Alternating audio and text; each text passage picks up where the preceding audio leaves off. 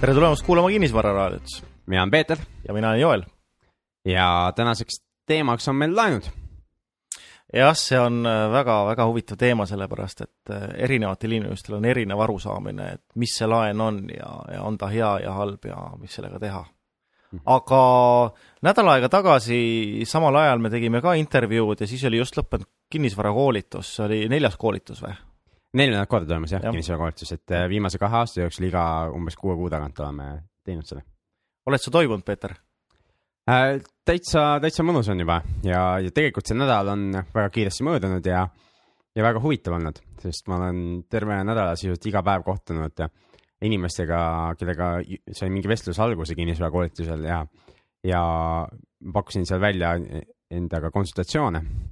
ja, ja, ja need konsultatsioonid on nüüd nädala jooksul toimunud ja ja, ja päris huvitav on olnud kohtuda siis erinevate kinnisvarainvestoritega ja, ja, ja, ja näha nagu nende seda portfelli ja näha seda, mida nad on teinud, arutada, mida nad saaksid veel paremini teha, kuidas nad saaksid seda maksu efektiivsemalt teha. ja, ja see on nagu väga-väga huvitav nädal on olnud. ma olen täiesti nõus sinuga.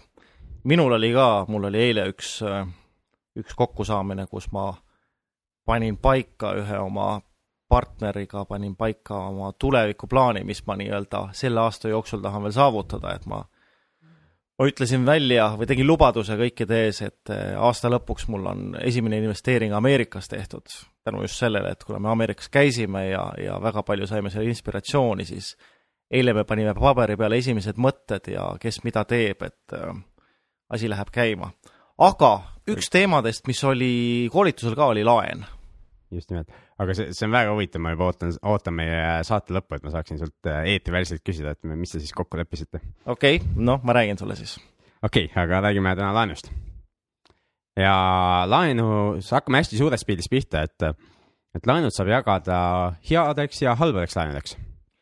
hea ja halb, väga huvitav, tegelikult ma tean, mis on hea ja mis on halb, aga, aga osad inimesed ei tea, siis äh, seleta al, alusta sellest, mis on halb laen halvad laenud tegelikult, äh, nii palju kui mina pangandusajaloost aru olen saanud, on palju kauem eksisteerinud kui head laenud.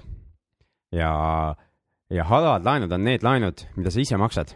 ehk äh, sa võtad mingisuguse isikliku kulutuse tarbeks laenu ja siis hiljem oma tööga maksad selle laenu tagasi.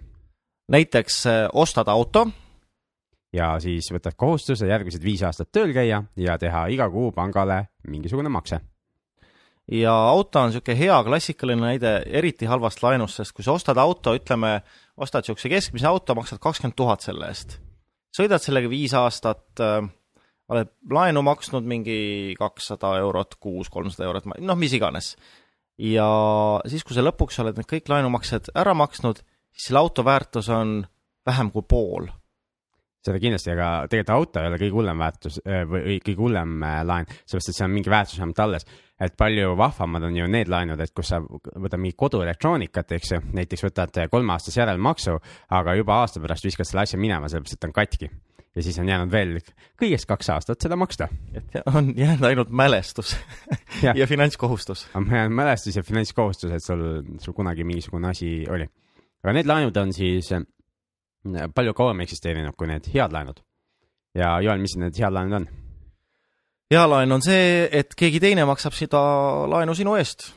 just nimelt, ehk la hea laenu niisuguse kõige tähtsam äh, tunnus on see, et sa võtad laenu selle jaoks, et teha sellega midagi, mis toob sulle hiljem rohkem raha sisse, kui see, see laenu eest välja makstav raha.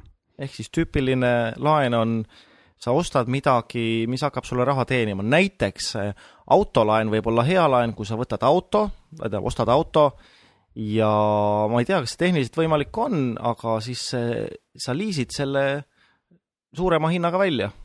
Eh, see võib üks asi olla või, või annad, hakkad ise taksot sõitma näiteks, sest saab töövahendiks, okei okay,, siis sa tegelikult ka teenid selle tööga tagasi, aga see, see auto annab sulle nagu lisaväärtuse, eks ju, et et inimesi seljast tassida nagu oleks keeruline, aga nüüd autoga tassida neid ringi on nagu täitsa okei okay.. jah, noh, teine muidugi klassikaline, mis kinnisvararaadio puhul hästi sobib, on see, et sa ostad mingisuguse kinnisvara äh, objekti, korteri, maja, garaaži. äripinna, büroo. jah, ja siis äh, üürid selle välja.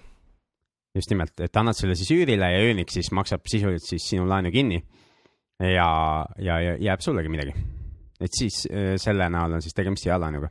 jah, siin on ju, tegelikult on täiesti võimalik on niimoodi, et sa ostad korteri, üürid selle välja, ütleme, et pangasid tagasimakse on näiteks kakssada eurot kuus ja üürid selle välja kahesaja viiekümnega, siis viiskümmend jääb sulle mm, -hmm. üürnik maksab seda pangalaenu tagasi ja mingisugune päev on see korter sinu oma ja sina ei maksnud selle eest praktiliselt ühtegi penni. Just nimelt, et, et kui see on eriti hästi nagu paika pandud, võib-olla sa maksid selle sissemakse alguses ja võib, võib-olla ei ole sedagi maksnud, eks ju. okei okay,, aga kui me räägime headest või halbadest laenudest, siis äh, peaks, võiksime rääkida nendest erinevatest laenutüüpidest, kuidas neid laene kasutada, millal ühte, millal teist kasutada. sest äh, kogu selles valdkonnas on tegelikult hästi palju segadust ja inimesed ei oska tihti nagu küsida õiget asja pangast või, või ükskõik kus äh, mujalt, kasvõi, kasvõi teiselt isikult ka. kui ma nüüd lähen panka Äh, oletame, et mul veel oma laenuhaldurit ei ole, lähen sinna, võtan järjekorranumbri, tuleb minu kord, olen väga elevil, istun maha, ütlen, et tahan võtta laenu. siis esimene asi, mida minule on pakutud, äh, on see, et äh, nii, vot meil on sellised laenutooted. nagu näiteks? Noh, on näiteks, on remondilaen või on kodulaen või äh, või on äh, ärilaen. jah, igasugused sellised, et, et äh, mis need tooted siis ennast kujutavad? tegelikult äh, kui me räägime, eks ju, sinuga ja kuulaja, kes sa nagu valdkonnas tahaksid põhjalikumalt minna, siis need nimetused on nagu pigem sinu eksitamiseks. Ehk need nimetused ei ole üldse olulised, need on kusagil pangaturundusosakond on maha istunud ja mõelnud, Eh, mis oleks nagu niisugune lahe, hea nimi mingisugusele asjale. ja, ja, ja, ja tegelikult see ei ole oluline, kuidas nad nimetavad neid asju, oluline on see, et sina saaksid aru, mis selle asja sisu on ja, ja kuidas seda asja kasutada ja, ja kuidas küsida täpselt seda, mis sul vaja on. ehk siis teiste sõnaga võib-olla võib öelda, et need laenutooted on lihtsalt emotsiooni tekitamiseks. muidugi et äh, inimesed teevad palju kiiremini emotsioonide baasil nagu otsuseid, kui, kui hakkaks, hakkaks selgitama, et, et äh, millist graafikut sul vaja on, millist perioodi sul vaja on, millist intressi sa soovid, millist lepingutasu ja, ja, ja millised laenu väljamaksed peaksid toimuma, kui tihti ja millal ja nii edasi. et äh, kõik need on tegelikult olulised aga kui me nüüd, nüüd inimene, kes kuulab seda raadiosaadet, sai esimese sellise asja, mis kõrva taha panna, et nimi ei ole oluline, ta läheb sinna, see pangatädi või või onu ütleb laenutoote nime, investor on tark, ei kuula, ühest kõrvast sisse, teisest välja, mis siis on need asjad, millele ta peaks äh, rõhku panema ja mida ta peaks küsima? kõige niisugusem olulisem ja keerulisem teema on tegelikult äh, graafik, et millist graafikut sa tahad. ja neid, ja me nüüd püüame, eks ju, selgitada niisuguseid matemaatilisi asju läbi raadio ilma pilti näitamata. et äh, me räägime erinevatest sõnadest, mõistlik on, ma arvan, sul, kui sa kuulad seda raadiot, võtta arvuti ligi või siis hiljem järgi vaadata äh,, ma ei tea, kas Vikipeediast või kusagilt, kus tuleb sulle selle sõna järgi nagu mingisugune pilt ka ette. ja, ja hakkame nende erinevate piltidega siis äh, pihta. et kõige levinum, mida kasutatakse, on siis annuiteetgraafik ehk sõna on siis annuiteet.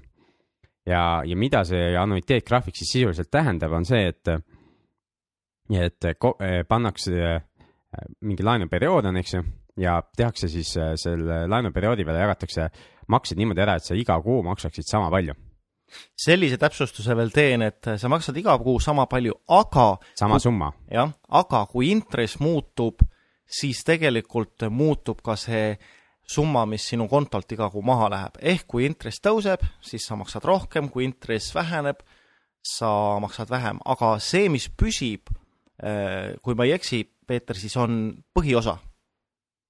ei püsi see ka. ei püsi see ka? no näed. et ei püsi see ka, et äh, see, et intress muutub, see on nagu üks muutuv tegur, eks ju, ja, ja kui graafikut vaatame, siis see intressi muutumine ei ole nagu oluline oluline on meil põhimõttest aru saada. ja, ja, ja sa küsis, küsisid väga, väga hea asja, aga, aga see põhiosa ka muut-, muutub iga kuu. et annuiteet, eks ju, äh, puhul on, eks ju, oluline aru saada nüüd, et, et see kuumakse jääb samaks, kui intress ei muutu, eks ju. ma täpsustan seda, et loomulikult põhiosa muutub, aga tähendab, põhiosa muutub annuiteedil niimoodi, et põhiosa alati kasvab. Eks ole, jah, põhimõtteliselt küll. et äh, ta alustab väiksema osaga ja ta läheb jätkuvalt suuremaks ja suuremaks ja samas äh, intress käitub risti vastupidi, kui oletame, et noh, intress ei muutu. just nimelt. et siis kui see intress, protsent ei muutu. jah, kui see protsent ei muutu, siis intress kogu aeg väheneb ja väheneb, sest su põhiosa väheneb, eks ole. et äh, annuiteedi puhul siis sisuliselt esimene laenumakse, kui me vaatame esimest laenumakset, eks ju, siis sa maksad selle saadud laenu pealt intressi ja, ja siis väike osa tuleb sinna põhiosa ka juurde. ja, ja niimoodi tuleb see kuutasu kokku. nüüd järgmine kuu, eks ju, kuna sul oled juba osa põhiosa tagasi maksnud, siis sa maksad väiksema summa pealt intressi. jah, sest sa maksad intressi selle pealt, kui palju sa oled pangale võlgu. just nii palju, kui sinu käsutuses veel on Jah.. ja, ja, ja kuna sa maksad nüüd vähem intressi ja see kuumakse kokku jääb samaks, siis, siis äh, põhiosa summa saab natuke suureneda. Ja niimoodi iga kuuga, eks ju, sinu põhiosa ehk sinu võlgnevus pangale väheneb ja, ja selle tõttu ka see intressisumma, summa väheneb, eks ju. et see on puhas, puhas matemaatika nagu, kuidas see, kuidas see graafik nüüd kokku saadakse. Äh, internetis on olemas sellised asjad nagu inglise keeles on financial calculator, kui sa selle paned Google'isse sisse, siis sa saad päris palju erinevaid ja head kalkulaatorid on ka sellised, kus nad toovad sulle selle intressi ja põhiosa toovad välja tabelis, ütleme, et sul on kolmekümne aasta laen, siis sa näed mm -hmm. iga kuu, palju need sul on ja sealt siis äh, vaadates näeb, kuidas tegelikult see süsteem toimib. et soovitan vaadata ja kui natukene on Exceli oskusi ka, siis tee sellest samast tabelist, tee graafik, pane näiteks põhiosa, pane roheliseks ja intress pane punaseks ja siis sa näedki, kuidas tegelikult äh, põhiosa ja intressi suhe muutub. mina olen endale Excelisse näiteks teinud, kuna ma ise annan ka laene välja ja, ja võtan laene ja nii edasi ja, ja, ja koostan ka neid laenulepinguid endale. ma teen endale Exceli, Excelisse või siis ma Excelit tegelikult ei kasuta, kasutan Open Office'it või, või Neo Office'it või midagi niisugust analoogset nagu. aga tabelitöötlusprogrammi, siis ma olen teinud endale sinna niimoodi valemid ja ma saan panna selle perioodi endale, nii palju noh, lahtreid, eks ju, kui mul on vaja neid makseid teha. ja, ja siis ma panen selle intressi ja, ja, ja põhiosa sinna sisse ja siis panen, panen selle alglaenu ja, ja ütlen talle, et tee nüüd, tee nüüd mulle siia igakuiselt asi niimoodi, et lõppjääk oleks null ja siis ta paneb, mulle, arvutab mulle välja, palju ma iga kuu siis maksma peaksin. mina, mina olen oma nutitelefonisse sellesama financial calculator'i pannud, et mul on iga kell mm -hmm. võimalik arvutada välja, et mis ja kus. just ja mina leidsin Nokiale ka mingisuguse niisuguse tarkvara ja mingi kaks eurot vist maksin selle eest ja päris hea on nagu välja arvutada mingeid asju. see on väga naljakas. mina rääkisin nutitelefonist ja sina rääkisid Nokiast. Nokial on, on jah probleeme kogu selle Symbiani ja vana tarkvaraga, aga see on ju eraldi teema. aga üks asi, mida kõige rohkem inimesed ette heidavad, kes ei saa aru nagu sellest mitte midagi ja, ja, ja, ja kui sina hakkad kokku puutuma, siis mõtled, et see annuiteetgraafik on paha-paha, et pank alguses saab põhiosa intressist kätte ja pärast, eks ju, sina hakkad oma põhiosa maksma, et nii paha-paha-paha graafik, eks ju. aga kui sa sisust aru saad, siis, siis äh, niisugune ütlus on jabur. see on jabur sellepärast, et sa maksad äh, intressi ainult selle, selle raha pealt, mis on sinu käsutuses ja, ja sa maksad intressi ükskõik millise laenu puhul, sa maksad ainult selle raha pealt, mis on sinu käsutuses. et annuiteedi puhul lihtsalt see põhiosa väheneb aeglaselt. ja kui mina olen investor, siis, siis äh, tegelikult äh, minu huvides nagu väga ei olegi seda põhiosa tagasi maksta, sest et ja isegi kui ma maksan seda tagasi, siis ainult selleks, et natukese aja pärast see uuesti laenata. sest ma tahan saada raha järgmise tehingu jaoks ja sellepärast mind tegelikult nagu ei huvita ju põhiosa kiire tagasimaksmine, vaid ma tahangi võimalikult aeglaselt tagasi maksta ja annuiteet on peaaegu ideaalne selle suhtes. kas on olemas sellist laenu ka, kus põhiosa ei peagi tagasi maksma? on ikka, et äh, enne kui me selle juurde lä lähme, räägiks ühest teisest laenutüübist, mis on äh, võrdsed põhiosad. ehk äh, või, või lineaarne graafik, et, et iga kuu maksad sa põhiosa sama palju ja siis intressi osa väheneb iga kuu et selline graafik on ka olemas, ehk siis kuumakse läheb iga kuu järjest väiksemaks. Öeldakse selle kohta, et alguses on kuradi ma valus ja iga kuuga läheb järjest rõõmsamaks, sest makse läheb väiksemaks äh,. mis selle laenu plussid ja miinused on, pluss on siis see, et, et laen saab nagu kiiremini tagasi makstud ja, ja, ja siis pank teenib nagu nii-öelda vähem intressi, eks ju. ja, ja miinus on see, et su kuumakse alguses on palju suurem ja ütleme investorina see muudab paljud tehingud nagu mõttetuks, sest ma peaksin hakkama nüüd peale maksma. ehk see ei ole enam minu jaoks hea laen, vaid sellise graafikuga laen ja enamasti minu jaoks on juba halb laen. jah, ehk siis alguses, kui see põhiosa on, või põhiosa on sama, aga intress on väga suur seal otsas, siis äh, väga raske on leida sellist tehingut, kus su cash flow on suurem kui see laenu tagasimakse alguses. lõpus on küll loomulikult, on päris kerge, aga alguses on raske ja tõeline investor, no ma võib-olla eksin, aga enamus puhkudel ei ole mõtet hakata riskima ja spekuleerima, vaid tuleb osta ikkagi selline tehing või teha selline tehing, kus sul on kohe algusest peale on positiivne cash flow. ja just nimelt, et see vähendab tegelikult toodusriski, kus on kogu aeg positiivne rahavoog. Nüüd millist laenugraafikut tegelikult valida, see sõltub hästi palju tehingust. ehk selle kohta võiks öelda, et, et niisugune õige vastus on see, et vali see, mida tehing kannatab et kui tehing kannatab tõesti seda võrdse, võrdsed põhiosad, eks ju, siis selliseid makseid, eks ju, siis noh, miks mitte. saab, saabki võib-olla tõesti selle laenu kiiremini ära, eks ju, ja, ja saab minna uut laenu võtma. aga noh, enamasti ta ei kannata või, või, või ei ole mõtet, sellepärast et sa annad nagu enda, enda selle rahavoo ära lihtsalt käest mm.. tahaks kommenteerida sellist asja, sa ütlesid, et saab minna uut laenu võtma Äh, üks asi, millest me kindlasti ka räägime, on see, et äh, iga kord, kui sa teed lepingu mm -hmm. pangaga, kas sa siis äh, sõlmid laenulepingu või teed muudatuse olemasolevas laenulepingus, siis see tähendab pangale alati sissetulekut, ehk siis sina maksad selle pealt. Et lepingutasud on see asi, mida sa nimetad. Ja siin tuleb üks, me räägime jälle pangast, eks ju, aga ma ei tea, minul on palju rohkem laene nagu mittepangast kui pangast. Ja, ja lepingutasu on midagi, mis on tõesti niisugune pangale ja, ja niisugustele laenuasutustele iseloomulikum. et kui ma laenan teistelt eraisikutelt, siis on kõik läbiräägitav. Ja tavaliselt mina vähemalt ei maksa lepingutasu. Või kui ma ise ka laenu välja annan, siis päris tihti ikkagi ei, ei küsi lepingutasu. Paneme nüüd asja konteksti, ütleme, et ma võtan saja tuhande eurose eluasemelaenu mis see, mis see lepingutasu niisugune Eesti keskmine on, oskad sa öelda? protsent on tihti. protsent, okei okay., sajast tuhandest protsent on tuhat eurot no.. et kui sa saad nüüd võtta eraisiku käest ja hoiad tuhat eurot kokku, tõenäoliselt sa leiad mingisuguse äh, koha, kus see tuhat eurot ära kasutada targalt äh,. kindlasti jah aga viimasel ajal vist pangad on jälle hakanud vastu, nii-öelda vastu tulema.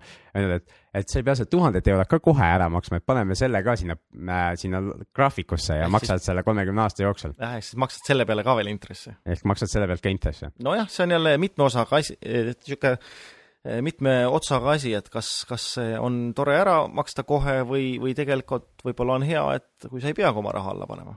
just nimelt ja ma vist, nüüd mul meenub, ma ikka korra elus ma olen siin sõpradega andnud ka niisuguseid laene, kus me samamoodi oli lepingutasu, aga kedagi nagu eriti ei huvitanud, kes laenuvõtjad olid, eks ju, sellepärast et me panime selle graafikusse ja, ja me saime selle lepingutasu pealt veel intresse.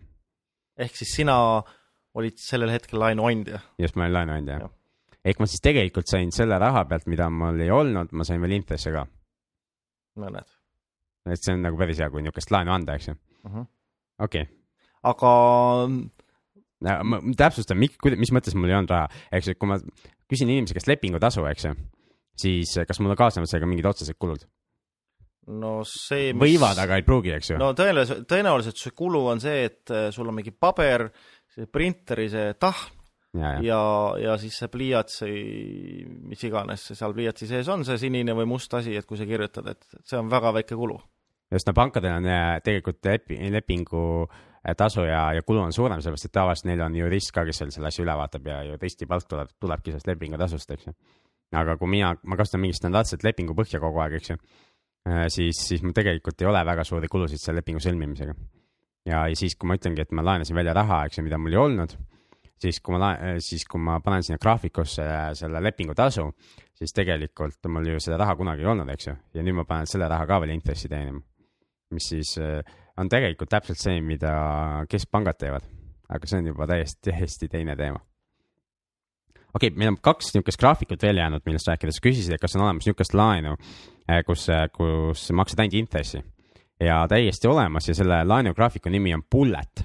Bullet, siis see on inglise keeles bullet, eesti keeles otsetõlge on kuul cool.. just nimelt, aga pankurid kasutavad ka bullet'i väljendit Eestis, sellepärast et niisugust või ainult intressidega laen, eks ju et sest äh, eestikeelset niisugust otsest head, head nagu vastavust ei ole ja mida nagu kasutada. aga kui rääkida bullet laenuga, äh, siis äh, sa võid testida nagu oma laenuhaldurit, eks ju, sa ütled, et ma tahan bullet graafikut, siis on kaks varianti, eks ju, kas ta, kas ta saab aru, millest sa räägid ja ta ütleb, et ei saa või ta, või, või ta ei saa aru, siis ta, siis ta on eriti algaja laenuhaldur enamasti nad üt-, ütlevad, et nad saavad aru, millest, millest, mida sa küsid, aga ütlevad ei, ei, ei, seda me sulle küll ei taha anda. miks nad ei taha anda seda?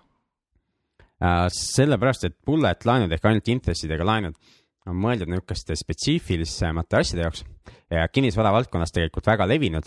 Need on arendajalaenud ja bullet laenu puhul eeldatakse, et sul on nagu mingi põhjus või, või mingi sündmus kunagi saabub, kuidas sul, kui sul tekib korraga palju raha ja sa saad korraga kogu laenu tagasi maksta. näiteks arendajalaenud on need selles mõttes ja sellepärast, et ja mida arendaja teeb, eks ju, ta võtab selle maja, ehitab valmis ja müüb ära lõpuks korterid. ja sellel hetkel, niikaua kui ta seda ehitab, tal ju sissetulekut ei ole, tal on ainult väljaminekud. tal on ainult väljaminekud, just nimelt, eks ju. ja siis need väljaminekud vaja viia minimaalseks, eks ju, ja eeldatakse, et siis arendajal on nii palju raha, et maksta neid intresse iga kuu. aga selleks, et laenu tagasi maksta, see tuleb siis juba korteri ostjalt, eks ju, kes selle asja lõpuks ära ostab et seal on nagu need bullet laenud ehk siis ainult intressimaksed nagu väga-väga levinud ja väga palju kasutuses ma, mina olen kasutanud eraisiku laene ka ja mina olen teinud äh, selliseid äh, laenulepinguid, mis on natuke nagu bullet, aga tegelikult ei ole ka, tähendab, põhiosa ei ole makstud tagasi mm, -hmm. aga intressimakse on toimunud alles laenuperioodi lõppedes. ehk siis mis, kus sa niisuguse laenu said? noh, sellest võib-olla raadiolainetel ei räägi, aga, aga põhi... äh, finantsasutusest või kusagilt mujalt? Eh, eraisiku laen. eraisiku, eraisikutega on võimalik kõike kokku ja, leppida. eraisikuga sa võid leppida seda kokku, et sa annad mulle raha ja kümne aasta pärast kohtume ja siis arveldame. ja, ja vahepeal ühtegi makset ei toimu, eks ju. mida iganes võib eraisikutega kokku leppida, eks ju, pankadel on oluline see, nii palju kui mina olen aru saanud, et neil on oluline, et äh, iga kuuekümne päevase perioodi jooksul nagu mingi makse laekuks sest muidu vist nende, nii palju kui ma aru olen saanud, nende regulatsioon nagu nõuab seda, et nad äh, kannaksid selle laenu kahjumisse ära, kuluks ära, et, et nagu lootusetu, et sealt ei tulegi raha. ja siis tuleb, äh, kui sa ei maksa seda kuuekümne päeva jooksul, siis sulle tuleb maksehäire ja sinu elu ja koostöö pankadega läheb väga-väga raskeks just, just, just, see on eraldi, eraldi teema veel. aga tuleme tagasi veel nii-öelda bullet'i juurde, et äh, sa, Peeter, oskad väga hästi seletada äh, miks selle nimi on Bullet, äkki sa teed seda siin raadios ka? et Bullet on, kui sa sisuliselt mõtled, et sa paned nagu endale, mm, võtad relva või, või jah, relva ja mis on laetud ja paned selle endale nii-öelda pea kohale, oimu kohale, eks ju. ja, ja nüüd on, Bullet on ta sellepärast, et, et, et lõpuks on seal see makse, eks ju, aga kui seda makset ei toimu, siis sa oled nagu, lased sisuliselt kuuli pähe endale sest siis sa oled, siis on nagu mäng läbi, siis on kõik asjad nagu väga-väga metsas. sest kogu, kogu risk panga jaoks ongi üleval, eks ju, kas sa, kui see kuupäev nüüd kunagi tuleb, kas sa siis suudad tõesti kogu selle raha tagasi maksta? sest vahepeal on ta saanud sinu käest hästi väikeseid makseid, eks ju, ainult intressi ja, ja nüüd järsku tuleb näiteks saja tuhandene laen või miljoni eurone laen, eks ju. ja nüüd on ühel päeval sa pead miljon eurot üle kandma, kas see, kas sellel konkreetsel kuupäeval on siis sinu kontol see miljon või ei ole, eks ju. see on panga jaoks risk ja sellepärast nad ei, ei, ei taha seda väljastada igaühele küll on bullet line on niisugune eriversioon, on niisugune asi nagu arvelduskrediit. et arvelduskrediit on siis äh, sisuliselt sarnane nagu selle bullet line, sellepärast et sa võtad selle raha sealt välja, eks ju, ja sa pead iga kuu äh,, peab sul olema intressiks raha. pank tegelikult ei huvita, et sul sinna laekuks see, see raha ja, ja tagasi tuleks noh, teda huvitab, eks ju, et ta nõuab, et sinu need põhiosa mak- äh, või põhiline arvelduskoht oleks seesama koht, eks ju. ehk et sul see jääk nagu muutuks iga päev, eks ju, maksad nagu tagasi võtad välja. põhimõtteliselt midagi hullu ei juhtuks, kui sa võtad selle raha lihtsalt sealt välja ja, ja, ja vähemalt on sul iga kuu intressi jaoks raha. ehk midagi analoogset saab nagu arvelduslaenuga teha. niisugustes väikestes summades tavaliselt. ja, aga muidu bullet line, jah, on kinnisvaraarendajad ongi põhiliselt, kes, kes neid saavad või siis võib ka olla mingis tootmises midagi näiteks, et kus ka tõesti see, see kuupäev tuleb mingi tulevikus, on mingi kindel kuupäev, millal kogu see raha nagu tagasi tuleb ja eraisikutega saab ka nii kokku leppida, et mul on eraisikult näiteks ka võetud bullet laen, et ma maksan iga kuu intressi, me oleme kokku leppinud, et viie aasta pärast on see kuupäev, millal ma siis äh, maksan selle laenu ise tagasi. või siis lepime midagi muud kokku. ehk siis lähme mingile teisele graafikule üle või, või mida, mida iganes. või kui inimesel ei ole seda raha vaja, siis miks ka mitte võib uuesti sõlmida selle bullet laenu lepingu järgmiseks mingiks perioodiks. just, uuesti pikendada, eks ju. Mida arvelduslaenudega ka näiteks tehakse, eks ju, pikendataksegi tavaliselt. ja bullet laenud võivad olla ka Äh, mis, kui me Ken McRoy'ga USA-s rääkisime, siis Ken McRoy ettevõte kasutab ka bullet laene. kui nad ostavad see kortermaja ja hakkavad seda renoveerima, siis renoveerimisperioodiks võetakse see, see bullet laen ja, ja siis, kui renoveerimisperiood on läbi, siis et sõlmitakse teistsugune laenuleping, kus siis hakkavad põhiosamaksed ka tulema. ehk siis see, see bullet laen on ikkagi tavaliselt selleks arendusperioodiks, kus, kus rahavood on nagu väiksemad ehk vähem raha tuleb sisse sellele ettevõttele ja siis ta kasutab seda laenu, et oleks võimalikult väiksed väljaminekut. ja, ja siis, kui raha, sisse tulev raha ikkagi suureneb, siis minnakse jälle põhiosa maksetele tagasi. et näide, et ütleme, kui nüüd pank sulle annab seda bullet laenu, siis äh, üks selline reaalne koht, kus seda kasutada on, kui sul on korter, mille sa ostsid laenuga, bullet laenuga, siis sa renoveerid seda näiteks äh, üks-kaks kuud, mis iganes, ja müüd seda mõned kuud. Ja oletame, et sa saad poole aasta jooksul kogu selle projekti lõpuni ja saad selle ära müüdud ja saad sealt äh, kapitali kasvu, ehk sa teenid mingit raha, siis äh, kui sul oli, ütleme, aastane bullet laen, siis sul on see raha aegsasti olemas, sa saad maksta selle laenule tagasi või laenu tagasi pangale ja sulle jääb endale ka raha alles just ja tavaliselt nende, nende bullet laenude puhul pannakse tegelikult tingimuseks see, et sellel iga või see korteri müügi hetkel sa maksad selle tagasi. ehk seal on variant näiteks aasta pärast kuupäeva või siis korteri müügi hetk. nüüd üks hetk, mida räägitakse, turunduslik termin on maksepuhkus. ehk maksepuhkus tegelikult äh, tähendab ka bullet laenule üleminekut äh, näiteks kuueks kuuks.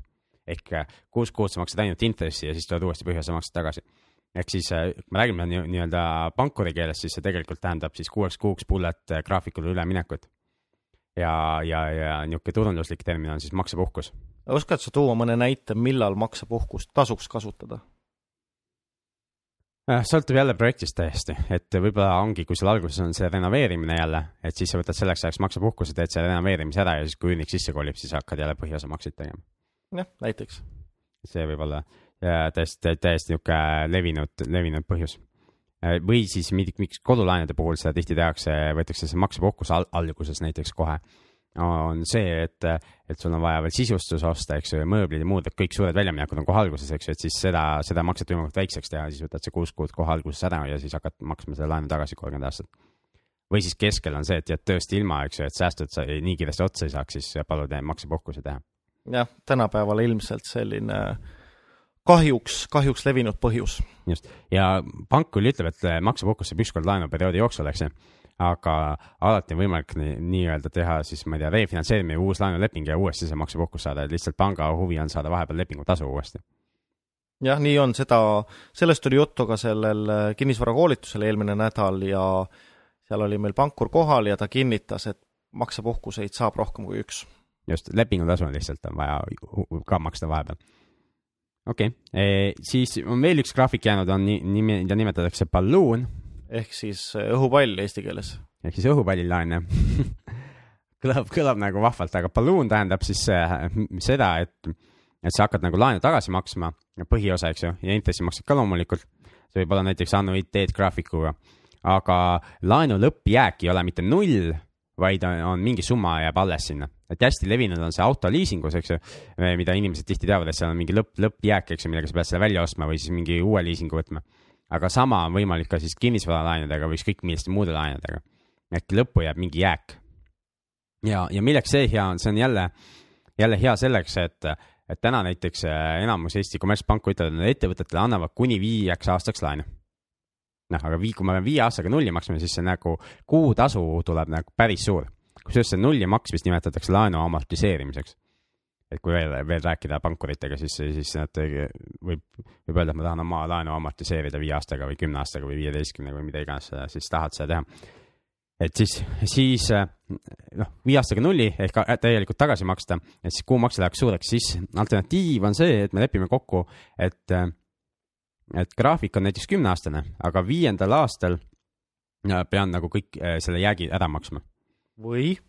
või siis tuleb mingi uus leping, eks ju. enamasti tuleb uus leping, keegi, keegi ei maksa seda tavaliselt seal lõpus ära. Aga äh, pangal on õigus siis, pangal ei ole kohustust sulle uut lepingut sinuga teha.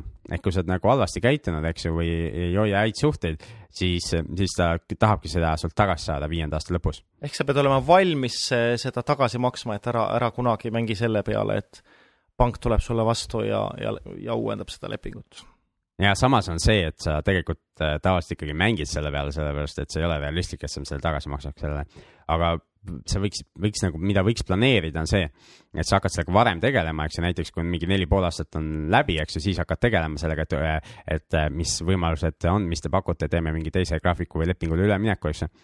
ja, ja kui, kui saad eitava vastuse, siis sul on veel kuus kuud aega või viis kuud aega see asi ära müüa ja sa pead olema valmis sellest varast äh, nagu vabanema siis sellel hetkel, eks ju, selleks, et kui see, ennem kui see laenulepingu lõpukuupäev kätte jõuab, et, et sul oleks raha siis tagasi maksta. Ja kui turg sinu vastu töötab, siis too bad. aga Balloon on jah, see, see on nagu tegelikult väga-väga äh, levinud ettevõtluslaenudes praegu eriti, et tehakse kümneaastased graafikud, viieaastased lepingud ehk siis äh, see ajab hästi paljusid inimesi segadusse, ma võib-olla selgitan seda korra veel, et mida see tähendab, on see, et, et me teeme näiteks nagu see annuiteetlaen ehk nii nagu ma kümne aastaga maksaksin nulli selle. ehk iga kuu on nagu põhiosamakse ja intressimakse, eks ju. Aga see, see sisuliselt peale viiendat aastat nagu see ülejäänud osa lõigatakse ära. ehk siis põhiliselt, kui viis aastat saab läbi, siis sa ei olegi oma pangalaenu tagasi maksnud, vaid sul on tegelikult mingi summa on maksmata, eks Just. ole ja, ja pangal ei ole kohustust äh, minuga seda lepingut pikendada või tal ei ole kohustust midagi, midagi teha, ta võibki peale viiendat aastat öelda, et, et nüüd see osa põhiosast, mis on jäänud veel maksta, nüüd selle pead tagasi maksma korraga, kõik. ja miks see laen investorile hea on, on siis see, et sinu igakuised laenu tagasimaksed on palju-palju väiksemad võrreldes sellega, et kui sa oleks viie aasta jooksul pidanud kõik selle laenu tagasi maksma. just, aga tegelikult see noh, suures pildis ei ole investorile hea, ma võtaks, alati eelistaks seda kümneaastast laenu, eks ju, et ma tean nagu kindlalt, mis juhtub aga see on praegu pankade lihtsalt olukord on selline, eks ju, nad ei, ei ütlevad, et äh, me, tulevik on udune nagu alati ja, ja teades, viis aastat me nagu näeme tulevikku veel uduselt ette, aga vot kaugemale me tõesti ei näe. ja, ja me ei tea, mis siis toimub, eks ju ja, ja see peaks sind ka kui investorit ka ettevaatlikuks tegema, et pangad ütlevad, nemad ei näe, eks ju, nendel on nagu päris palju analüütikuid ja muid spetsialiste nagu palgal, eks ju, kes, kes iga päev tegelevad sellega, et, et, et seal udus sumbata ja, ja näha ette. Ja, ja sina oled kas siis üksi või oma, oma väikse meeskonnaga, eks ju. ja, ja, ja võtad, teed kümneaastaseid projekte või veel pikemaid, eks ju ja, ja, ja siis noh, tegelikult sa peaksid olema ettevaatlik, sest pank täna ütleb, et, et sorry, eks ju, me ei näe rohkem kui viis aastat ja, ja viieaastased projektid on nagu need, need, mille, millega me oleme valmis tegutsema. aga nii palju nad ikkagi näevad või usuvad, kui nad sulle selle laenu annavad, et, et viie aasta pärast selle, selle objekti väärtus on siis suurem kui selleks ajaks laenujääk. Mis muidu, muidu neil oleks nagu üldse pointi, nad ei annaks, annaks seda ka siis laenude puhul on veel mõningad asjad olulised, me rääkisime nüüd graafikutest, vaata need nimed uuesti üle, see on annuiteet, võrdsed põhiosad, bullet ja balloon. otsi välja netist, leiad ilusad pildid, tee endale need selgeks, kui sa aru ei saa, siis äh, küsi kellegi käest. ma soovitan äh, testi, et kas sa oled aru saanud, testi niimoodi, et võta mõni inimene, kes on finantsalal selline natukene võhikum heas mõttes ja mm. seleta sellele inimesele ja vaata, kas ta sai aru just, et alati õpetamine aitab nagu endale aru saada asju paremini sellepärast mulle meeldibki õpetada, et, et siis ma saan ise ka lõpuks aru et kinnisvarakoolitus oli väga hea selles osas aga seal olid õnneks minust targemad inimesed ka olemas, kes, kes, kes nagu rääkisid ja mina sain küsida äh, oma niisuguseid lolle küsimusi ja, ja saada, saada nagu veenduda selles, et ma saan tõesti aru kõikidest asjadest. Nüüd äh, graafika, nagu me ütlesime, on üks olulisemaid asju, teine asi on periood. Ja periood mõjutab mida siis, periood mõjutab seda, kui pikaks ajaks sa saad asjad nii-öelda paika panna, eks ju, nagu me rääkisime ka, ettevõtetel on see viis aastat praegu, aga ja, ja, ja graafikud võivad kuni kümnesed olla, eks ju. ja per periood, mida pikem on, eh, kui, kui nüüd on põhiosamaksed ka, seda väiksemaks ta teeb tegelikult seda põhiosamakset.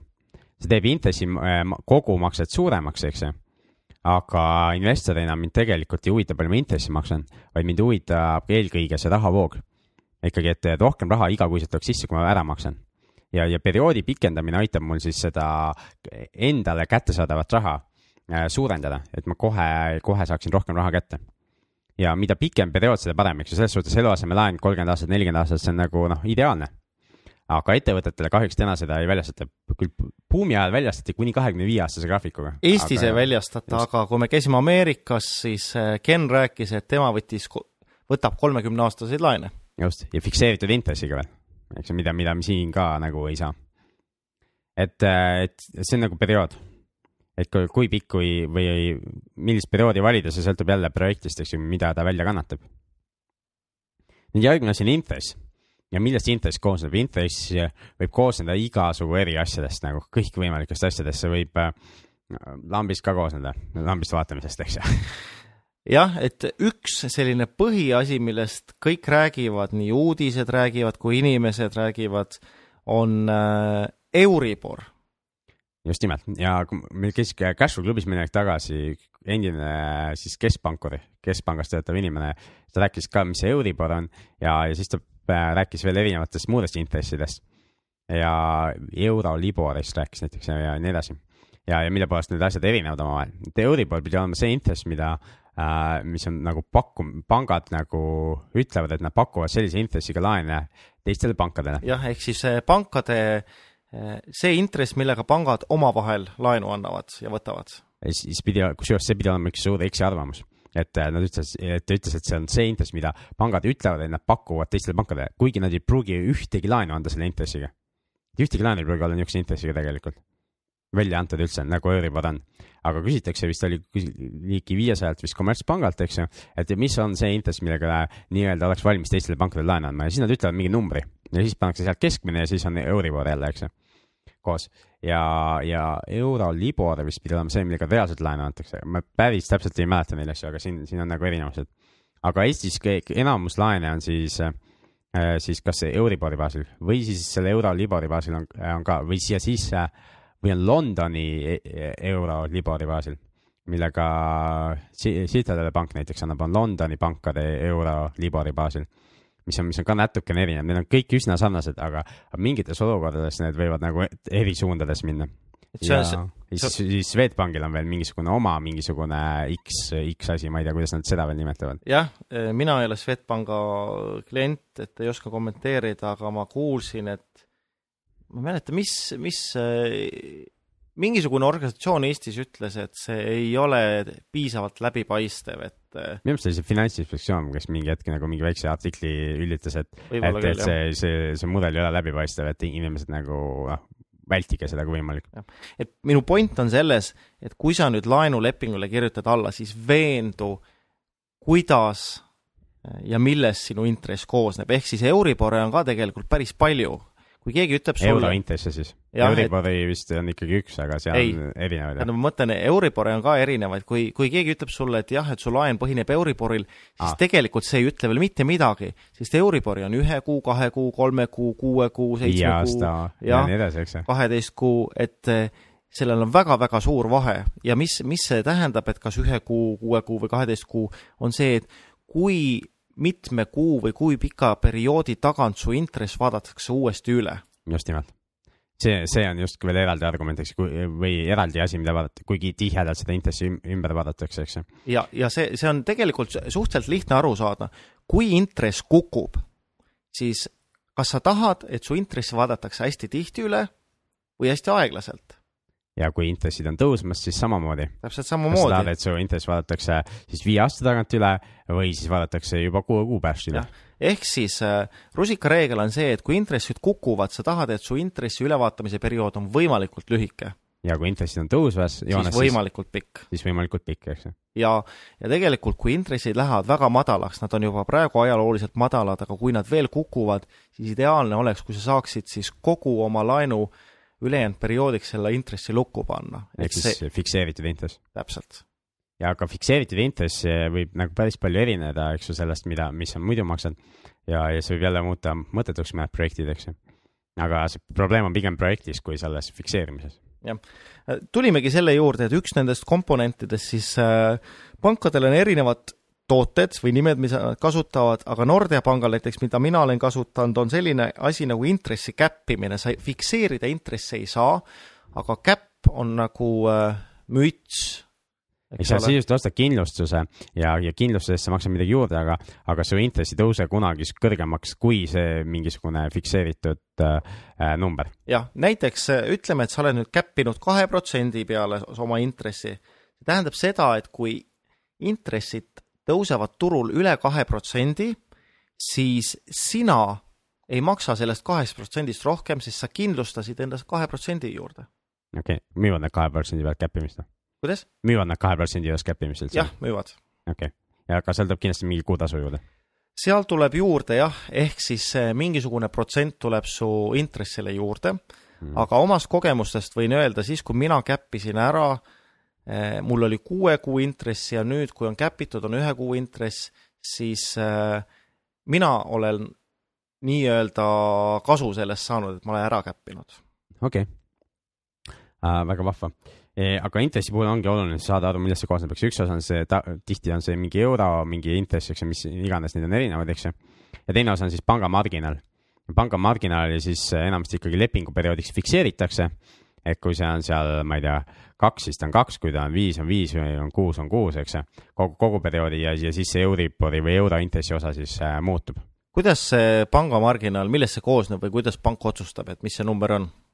vot äh, seda otsustab nende krediidikomisjon ja, ja, ja see sõltub, mõlemad, mida nad kasutavad, sõltub sellest, et kus nad ise laenavad, eks ju, äh, raha sisse ja, ja mis int- ja millise marginaali või millega nad ise sisse saavad seda. Ja, ja siis nad sellest lähtuvalt saavad siis klientidele pakkuda midagi. ja teine on ka see, tähendab, marginaal on põhimõtteliselt sinu äh, seal on, osaliselt võetakse arvesse ka sinu finantsvõimekust. mida ja. riskantsem klient sa oled, seda suurem see on. ja tegelikult see on natuke naljakas, sellepärast et mida riskantsem klient, ütleme niimoodi, mida vähem sul raha on, seda rohkem sa maksad jah, see on täiesti absurdikas, eks ju, vastupidi nagu asjale. mida vähem sul raha on, seda, seda, seda rohkem intressi sa tõesti maksad. ja samamoodi, mida väiksem ajalugu sul pangas on, seda, seda, seda kõrgem sul see marginaal on ja, aga see marginaaliga tegelikult on see, et sa saad lasta seda üle vaadata, et kui sul on jälle kolm kuud või kuus kuud, eks ju, pangas oled klient olnud, siis võid saata jälle malli ja, ja paluda oma laenuhaldurilt, et kuule, ole hea, käi komisjonist läbi ja küsi, mis, mis täna mulle see oleks, eks ju ja, ja kui seal on mingisugune vahe sees, siis, siis sa saad lasta seda äh,, maksad jälle lepingu muutmistasu ja, ja läheb see marginaal alla jah, eeldased, et, eeldades, et see läheb alla, et see pole mõtet teha, kui see ülespoole läheb äh,. muidugi ja niisuguseid lepinguid on ka täna, et ettevõtetel, eks ju, mis võeti siis äh, selle buumi ajal, eks ju, siis olid marginaalid väga madalad. et need, need laenud, noh, nende puhul, kui sa tahaksid, et ümber vaadatakse, siis see intress tõuseks hoopis, mitte, mitte ei langeks aga eluasemelaenude puhul saab ka lasta seda ja see, see ülevaatamine, et, et komisjonist uuesti läbi käidakse, ei maksa sulle mitte midagi. mina tegin eelmine aasta ja minu arust see ülevaatamine oli umbes kuuskümmend eurot äh, ülevaatamine või lepingu muutmine? lepingu muutmine. jah, aga sa võid lasta kõigepealt selle üle vaadata. no see on tasuta. Te, tehke mulle uus pakkumine, eks ju. see on tasuta. see on tasuta, sa ei pea pakkumist vastu võtma. et sa võid, kui sul on täna, eks ju, mingisugune laen ja sa võid vabalt nagu helistada haldurile või saada talle maili ja ütle, et palun mulle uut pakkumist, eks ju selle marginaali osale, las ta käib komisjonist läbi ja sealt eh, tihti üllatus-üllatus, sealt võib tulla mingi protsent või kaks väiksem number, oleneb muidugi, mis, mis sul see enne oli, eks ju, kui sul oligi juba kaks, siis, siis see kaks protsenti väiksem ei tule null, null, eks, aga aga see võib tulla väiksem ja siis on mõistlik see võib-olla see kuuskümmend euri või mis iganes sul see lepingu muutmistasu on ära maksta ja sa saadki väiksema intressi kogu järele jäänud laenuperioodiks. Et pankadele meeldivad lepingutasud, et, et iga kord, kui sa pakud neile lepingutasu, siis on võimalik kõike muud muuta ja ehk, ehk siis intress on väga-väga-väga-väga oluline, eks ju. ja miks kinnisvaraga üldse tegeleda tegelikult, et äh, ausalt öeldes mind, mind nagu see kinnisvara tõesti võib-olla ei huvitakski nii väga. aga see on lihtsalt see, millel on kõige madalam intress. kõige madalamad intressid, kõige pikemad laenuperioodid. Kuigi autodel on täna ka suht madalad intressid, aga auto puhul ma ei tea, kuidas seda väärtust nagu hoidma panna. jah, autole sa tõenäoliselt kolmekümne aastast laenu ei saa kolmekümne aastast laenu ei saa, eks ju, aga viie aastast saaks võib-olla, eks ju. aga, aga see, need, noh, kinnisvara suudab hoida väärtust, intress on madal, perioodid on pikad, noh, väga paljud head asjad tulevad kokku äh, selle kinnisvara investeerimise juures. nüüd üks, üks asi, millel laenudest veel rääkimata on laenu väljamaksed. Jah, mis see tähendab, laenu väljamakse? et me oleme harjunud nagu niisuguse klassikalise väljamaksmisega, ehk siis korraga makstakse kõik välja ja siis hakkad tagasi maksma. aga see ei pea üldse niimoodi olema. ja näiteks äh, arendamislaenude puhul eriti need väljamaksed ei toimu mitte korraga, vaid toimuvad siis, kui on vaja. või tegelikult natuke hiljem. ehk see tähendab seda, et äh, arendaja, kui ehitab maja, siis ta ehitab mingi osa valmis, siis äh, käib siis kokku lepitud niisugune erapooletu ülevaataja käib üle ja vaatab, et ahah, on valmis, siis ta kirjutab äh, allkirja paberile, et on, ongi valmis. siis see paber läheb panka ja siis pank maksab järgmise osa laenust välja. ja siis, ja siis see, see arendaja saab maksta, eks ehitajale ära või saab maksta kauba eest ära seda raha. ehk siis pank sellega garanteerib, et asjad edenevad nii, nagu oli algselt planeeritud. just nimelt ja kui asi jääb seisma, siis järgmist makset ei tule, eks ju, siis, siis tekivad suured probleemid, eks ju. aga samas see, see on arendajale ka hea, sellepärast arendajal ei ole vaja kogu raha korraga ta, sest ta peaks kogu rahalt hakkama intressi maksma, aga milleks maksta nagu kogu, kogu suurelt summalt, kui te mõtlete mingit suurt kortermaja, eks ju, kus on võib-olla kümneid või, või sadu kortereid, eks ju. et milleks mul on vaja kogu seda raha korraga kontole ja, ja, ja hakata kogu seda summat intressi maksma, kui mul tegelikult eh, noh, ma ei tea, mingit poolt raha läheb vaja võib-olla kuue kuu pärast, eks ju, või, või mille, kolme kuu pärast või mis iganes muul ajal, eks ju. siis, kui me alles jõuame sinna ehitusfaasi, et niimoodi arendaja saab vähendada ka oma intressikulu. et see ongi üks oluline osa, et äh, enamus meist ei ole suured are-, arendajad, aga sama analoogia toimib ka meie puhul, ehk siis enne, kui sa hakkad midagi ostma, siis käi pangas, uuri välja, palju sa laenu saad, mis intressiga äh, ja mida on vaja teha, et sa selle raha kätte saad, sest sellel hetkel, kui sul see, kui sa selle tehingu leiad, sa leiad selle objekti, võib-olla müüjal on kiire, ta tahab selle ruttu ära teha ja kui sa ütled, et jah, mul on homne päev, on see raha põhimõtteliselt olemas, noh, eelnevalt see pangaga kokku lepitud, siis see võib olla väga-väga suur eelis mm. -hmm. et siis on, lähmegi homme naturalist teeme ära, eks ju, ülejäänud, kes võib-olla pakkusid isegi rohkem raha, noh, too bad nagu, kui, kui neil, neil läheb kauem aega, eks ju, ikkagi ei jaksa oodata vahest. jah. ja äh, et ehk siis väljamaksed võivad erinevad olla, eks ju, arvelduskrediidiga näiteks samamoodi, eks ju, väljamakse on siis, kui sa tahad seda saada mm. -hmm. aga me rääkisime, et, et see nii-öelda pangamarginaal, see sõltub ka sinu, sinu enda finantstaustast, ehk siis äh, pank vaatab, palju sa saad palka. Äh, kas firmade puhul, mida ta vaatab? firmad palka ei saa et äh, tegelikult, kui me räägime eraisiku laenudest, eks ju, siis te tegelikult antakse sulle ikkagi laenu põhitagatiseks oled sina ise ja, ja, ja nii-öelda lisatagatiseks on siis mingi asi, eks ju, mille jaoks seda laenu antakse. mina ise, oot-oot, mis pank siis müüb minu maha või? pank ei müü, sina müüd iseennast pangale maha. absoluutselt, ehk siis äh, see on modernne orjus võib ka nii öelda selle asja kohta. ehk sisuliselt, kui, kui mina võtan eluaseme laenu, eks ju, kolmekümneks aastaks, siis ma tegelikult, kui ma allkirja annan, mida kusagil seal lepingus nagu kirjas, kirjas ei ole otseselt, aga kaudselt on, eks ju, laenugraafik on seal. ehk mina oma allkirjaga annan lubaduse järgmised kolmkümmend aastat tööd teha ja, ja hoolitseda sellest, et mul iga kuu oleks kontol see raha, mida pank saaks sealt maha võtta. et, et ja mille arvelt ma saan neid makseid teha ehk seda võib, ta on, ta on üsna nagu analoogne, ütleme mingisugusele, kui me oleme lugenud siin keskajast ja, ja varasematest aegadest, mis olid orjad ja, ja päris orjad ja siis olid, ma ei tea, mis rendiorjus ja mis iganes muud asjad. see on üsna analoogne tegelikult sellele. aga ainuke vahe on siis selles, et täna sina saad ise valida, kas sa nagu tahad selleks orjaks hakata või ei taha. ja, ja orjuses olek on nagu väga tavaliseks muutunud jah, jah, räägitakse laenuorjusest ja, ja eksitav on see, et kõik räägivad, et tagatiseks on kinnisvara, okei. Okay.. see on nagu lisatagatiseks, et kui sina, äh, sa lubasid, et sa teed tööd ja kui sina oma lubadust muudad, et siis äh, pangal on vähemalt midagi, mida sinu käest ära võtta. jah, ja see kinnisvara ei päästa, et vaatame siin väga väga värskelt on meil kõigil meeles, oli siin buumiaeg, kaks tuhat viis, kuus olid kinnisvarahinnad olid kõrged, inimesed ostsid kodusid, tänane päev osad kodud, need väärtus on kukkunud ikkagi kümneid, kümneid protsente ja kui see inimene nüüd tänane päev otsustab, et ma ei taha enam seda ta-, tagasimakset teha ja ta realiseerib selle korteri, siis tõenäoliselt ta jääb pangale ikka võlgu, isegi kui ta müüs selle korteri maha, maksis kõik selle saadud raha pangale ja ta on ikka pangale võlgu just nimelt ja siis, siis ta saabki aru, et tegelikult tagatiseks ei olnud mitte see kinnisvara, vaid tagatiseks oli tema ja tema lubadus tööd teha. ja noh, kui sa saad aru nagu sellest, siis on kõik okei okay,, eks ju. aga, aga, noh, paljud inimesed muidugi te, tegid läbi mõtlemata neid otsuseid. aga positiivne on see, et kui sa oled investor ja sa oled korteri ostnud ja üürid välja, siis äh, kes siis tegelikult äh, teeb seda tööd, see on ju siis see inimene, kes üürib seda korterit. Just, et ja üürnikuga need lepingud on enamasti, eks ju, eraisikute puhul, eks ju, on lühiajalised, aastased, eks ju. ehk siis tegelikult see üürnik sulle lubab ja sina peaksidki veenduma selles, et see üürnik nagu saab aru, mida ta lubab, eks ju.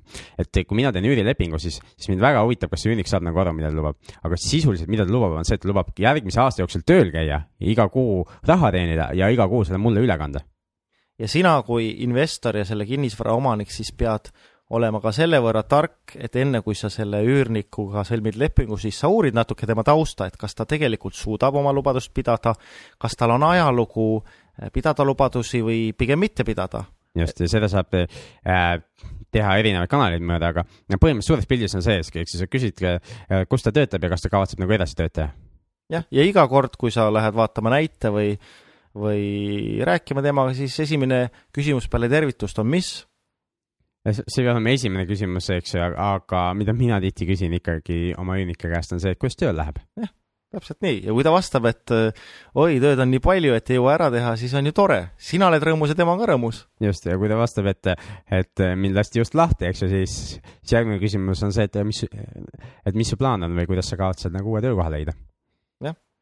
ja, ja kui tal ei ole mingit head plaani, siis kuidas sa kavatsed välja kolida. jah, või tegelikult äh, enne, kui sa väljakolimist äh, pakud, siis uuri välja, et millega see inimene tegeleb, sest äkki ta saab sulle olla millegi ka kasulik. võib-olla sa lased tal elada tasuta, aga ta teeb midagi, mis on tegelikult väärt palju rohkem kui see üüriraha. jah, et see võib ka veel olla, et sa sisuliselt hakka vahet-, vahetad, eks ju, tema aega millegi muu vastu. aga ettevõtetest räägiks ka, et ettevõtete puhul, kui pank vaatab, siis samamoodi tegelikult ei ole see kinnisvara see põhitagatis, vaid see on jälle, jälle see lisatagatis, põhitagatis on ikkagi ettevõtte äh, vaba rahavoog, nimetatakse seda. ehk äh, kui palju ettevõttel jääb raha üle igakuiselt, et ettevõttel tuleb raha sisse ja ettevõttel kulub raha ära ja palju üle jääb. ja mida nüüd äh, palju alustavad ettevõtjad teevad viga ja, ja ma, ja ma arvan, et või tegelikult ma olen päris kindel, me räägime sellest sügisel toimub ettevõtluskoolitus, mida me teeme oktoobri alguses, et seal ka kindlasti räägime sellest. paljud alustavad ettevõtjad teevad seda, et nad vaatavad, et ikka kõik raha kogu aeg ära kuluks ehk see, kui oh, raha jäi üle, ostame veel midagi, kulutame veel kuhugi, siis tegelikult, kui sa tahad selle nagu ettevõtete ja pangale laenukõlbulikuks, siis sa peaksid just hoolitsema selle eest, et sinu kontojääk äh, pangas igakuiselt kasvaks. ehk äh, sul iga kuu jääks raha üle ja, ja mida stabiilsem ja mida suurem summa see on, seda parem pangale, seda rohkem on pank äh, valmis sulle laenu andma sellele ettevõttele. ja seal on jälle see kinnisvara on lihtsalt lisatagatis kuidas pank suhtub sellesse, kui aeg-ajalt jah, see summa kasvab, aga siis ma ostan midagi, mis äh, kasvatab rahavoogu? on see hea asi või pigem mitte äh,? see on pigem hea asi, jah. et pa-, pangale muidugi, mis ei ole, ei pruugi väga meeldida, eks laenu andmise juures, aga on, on näiteks see, et noh, sa korjad seda ja maksad nagu dividende välja, et see dividendi väljamaksmine eh, pankadele ka tihti, tihti ei ole nagu see eh, noh, kõige meeldivam asi, sellepärast et sa viid tegelikult ettevõttest viid raha välja sellega. aga noh, see on üks osa ettevõtlusest mm. -hmm. pankadele meeldib see, et sa teenid raha ja kõik see jääb sinna ettevõttesse ja, ja, ja siis, siis saab sulle järjest rohkem laenu juurde anda. ja, ja üks asi veel, me oleme kunagi siin Hollandiga suhelnud nagu suurkliendi halduritega. et kui sa lõpuks kasvad nagu nii suureks, et sinu, sinuga tegeleb panga nagu niisugune suurkliendi haldur, siis äh, suurkliendi halduritel on tegelikult väga lihtne töö. ja, ja suurkliendiks sa saad noh, mingite tingimuste pead vastama, aga üks oluline asi on see, et sul oleks äh, suur vaba rahavoog. ja suurkliendi halduri ülesanne on nagu panga poolt vaadates tegelikult äh, on saada sinu parimaks sõbraks. üks suurkliendi haldur rääkis seda juttu, et see ei ole minu välja mõeldud. et on saada selle ettevõtte finantsjuhi ja tegevjuhi ja omanike parimaks sõbraks. ja, ja, ja kui noh, teha mida iganes vaja, eks ju, kui sul on igav ja sa tahad kellegagi juttu ajada ja sa talle helistad, siis, siis su suurkliendi haldur tuleb, tuleb kohale ja võtab sinuga paar pitsi või, või klaasi ja, ja räägib sinuga juttu oluline on see, et, et ta saab su sõbraks. järgmine asi on see, et ta peab vaatama, palju sul seda vaba rahavoogu on. ja siis järgmine tema ülesanne on vaadata, et mille jaoks või kuidas ta saaks sulle laene veel juurde anda. et see vaba rahavoog ikka kõik panga äh, nii-öelda ka, kassasse jõuaks läbi, läbi laenumaksete ja läbi intressimaksete ja kui su ettevõtte kasumlikkus, eks ju, kasvab jälle nende, selle asja tulemusena ja, ja, ja jälle rahavoog kasvab, siis tema ülesanne on võimalikult kiiresti leida viis, kuidas sulle veel raha juurde anda. ehk siis teiste sõnadega me võime öelda, et äh, raha armastab raha. Äh, just nimelt. ja, ja kui sul hakkab seda vähemaks jääma, siis on pank on esimene, kes sult selle, öeldakse, et pank päikeselisel päeval annab see vihmavarju ja kui sadama hakkab, ehk sul hakkab halvemini minema, siis tema on esimene, kes sult selle vihmavarju ära võtab kas sulle meeldib suur laenukoorem äh,? ikka meeldib jah, head laenud. jah, täpselt. Et see on, on alati hästi oluline, et täpsustada, et head laenud, mitte halvad laenud. see, see on äh, väga huvitav, et ma, ma võiksin peaaegu oma mütsi, mida mul ei ole, ära süüa. kui ma lähen tänavale ja ma küsin, ütleme saja inimese käest, et, äh, et äh, noh, et kas teile meeldib võlgu olla või mitte mm. -hmm. ma pigem väidaks, et enamus inimesed ei taha võlgu olla, ehk siis kui nad võtavad võlgu, siis nad tahavad sellest võlast võimalikult ruttu-ruttu lahti saada. Ja loodetavasti nüüd selle saate jooksul me nüüd avasime seda finantsmaailma, et tegelikult äh, võlgu olemine on, äh, seal ei ole midagi ebanormaalset, see on täiesti normaalne ja hea asi. kui see on head võlad, head laenud. sest äh, hea laen on ju see, mida maksab keegi teine ja mida rohkem keegi teine sinu eest laenu maksab, siis seda rohkem sinu vara väärtus ju kasvab. just nimelt. Ja mida rohkem laene mulle tuleb, seda, seda rõõmsamaks ma muutun. seda, seda rohkem igast sellest äh, nii-öelda makse vahendamisest, eks ju, üürnikult pangale, seda rohkem sealt igast makse vahendamist jääb ju mulle ka midagi. Äh, minu vara hulk kasvab ja, ja järjest rõõms, rõõmsamaks äh, muutun selle tõttu me täna ei jõua sellist teemat nagu inflatsioon üldse puudutada, aga, aga mõnes saates tulevikus kindlasti me peame mõtlema, et kuidas me selle saame äh, raadio teel selle pildi inimestele edastada, aga, aga vaatame, aga põhimõtteliselt üks asi, mis äh, laenude puhul on ka äh, väga hea, on see, et inflatsioon aitab sul seda laenu tagasi maksta. Ja kuidas ta seda teeb, siis uurige ise või kuulake meie saateid. Ja aitäh kuulamast tänast laenusaadet ja kohtume juba järgmisel nädalal. Edukat nädalat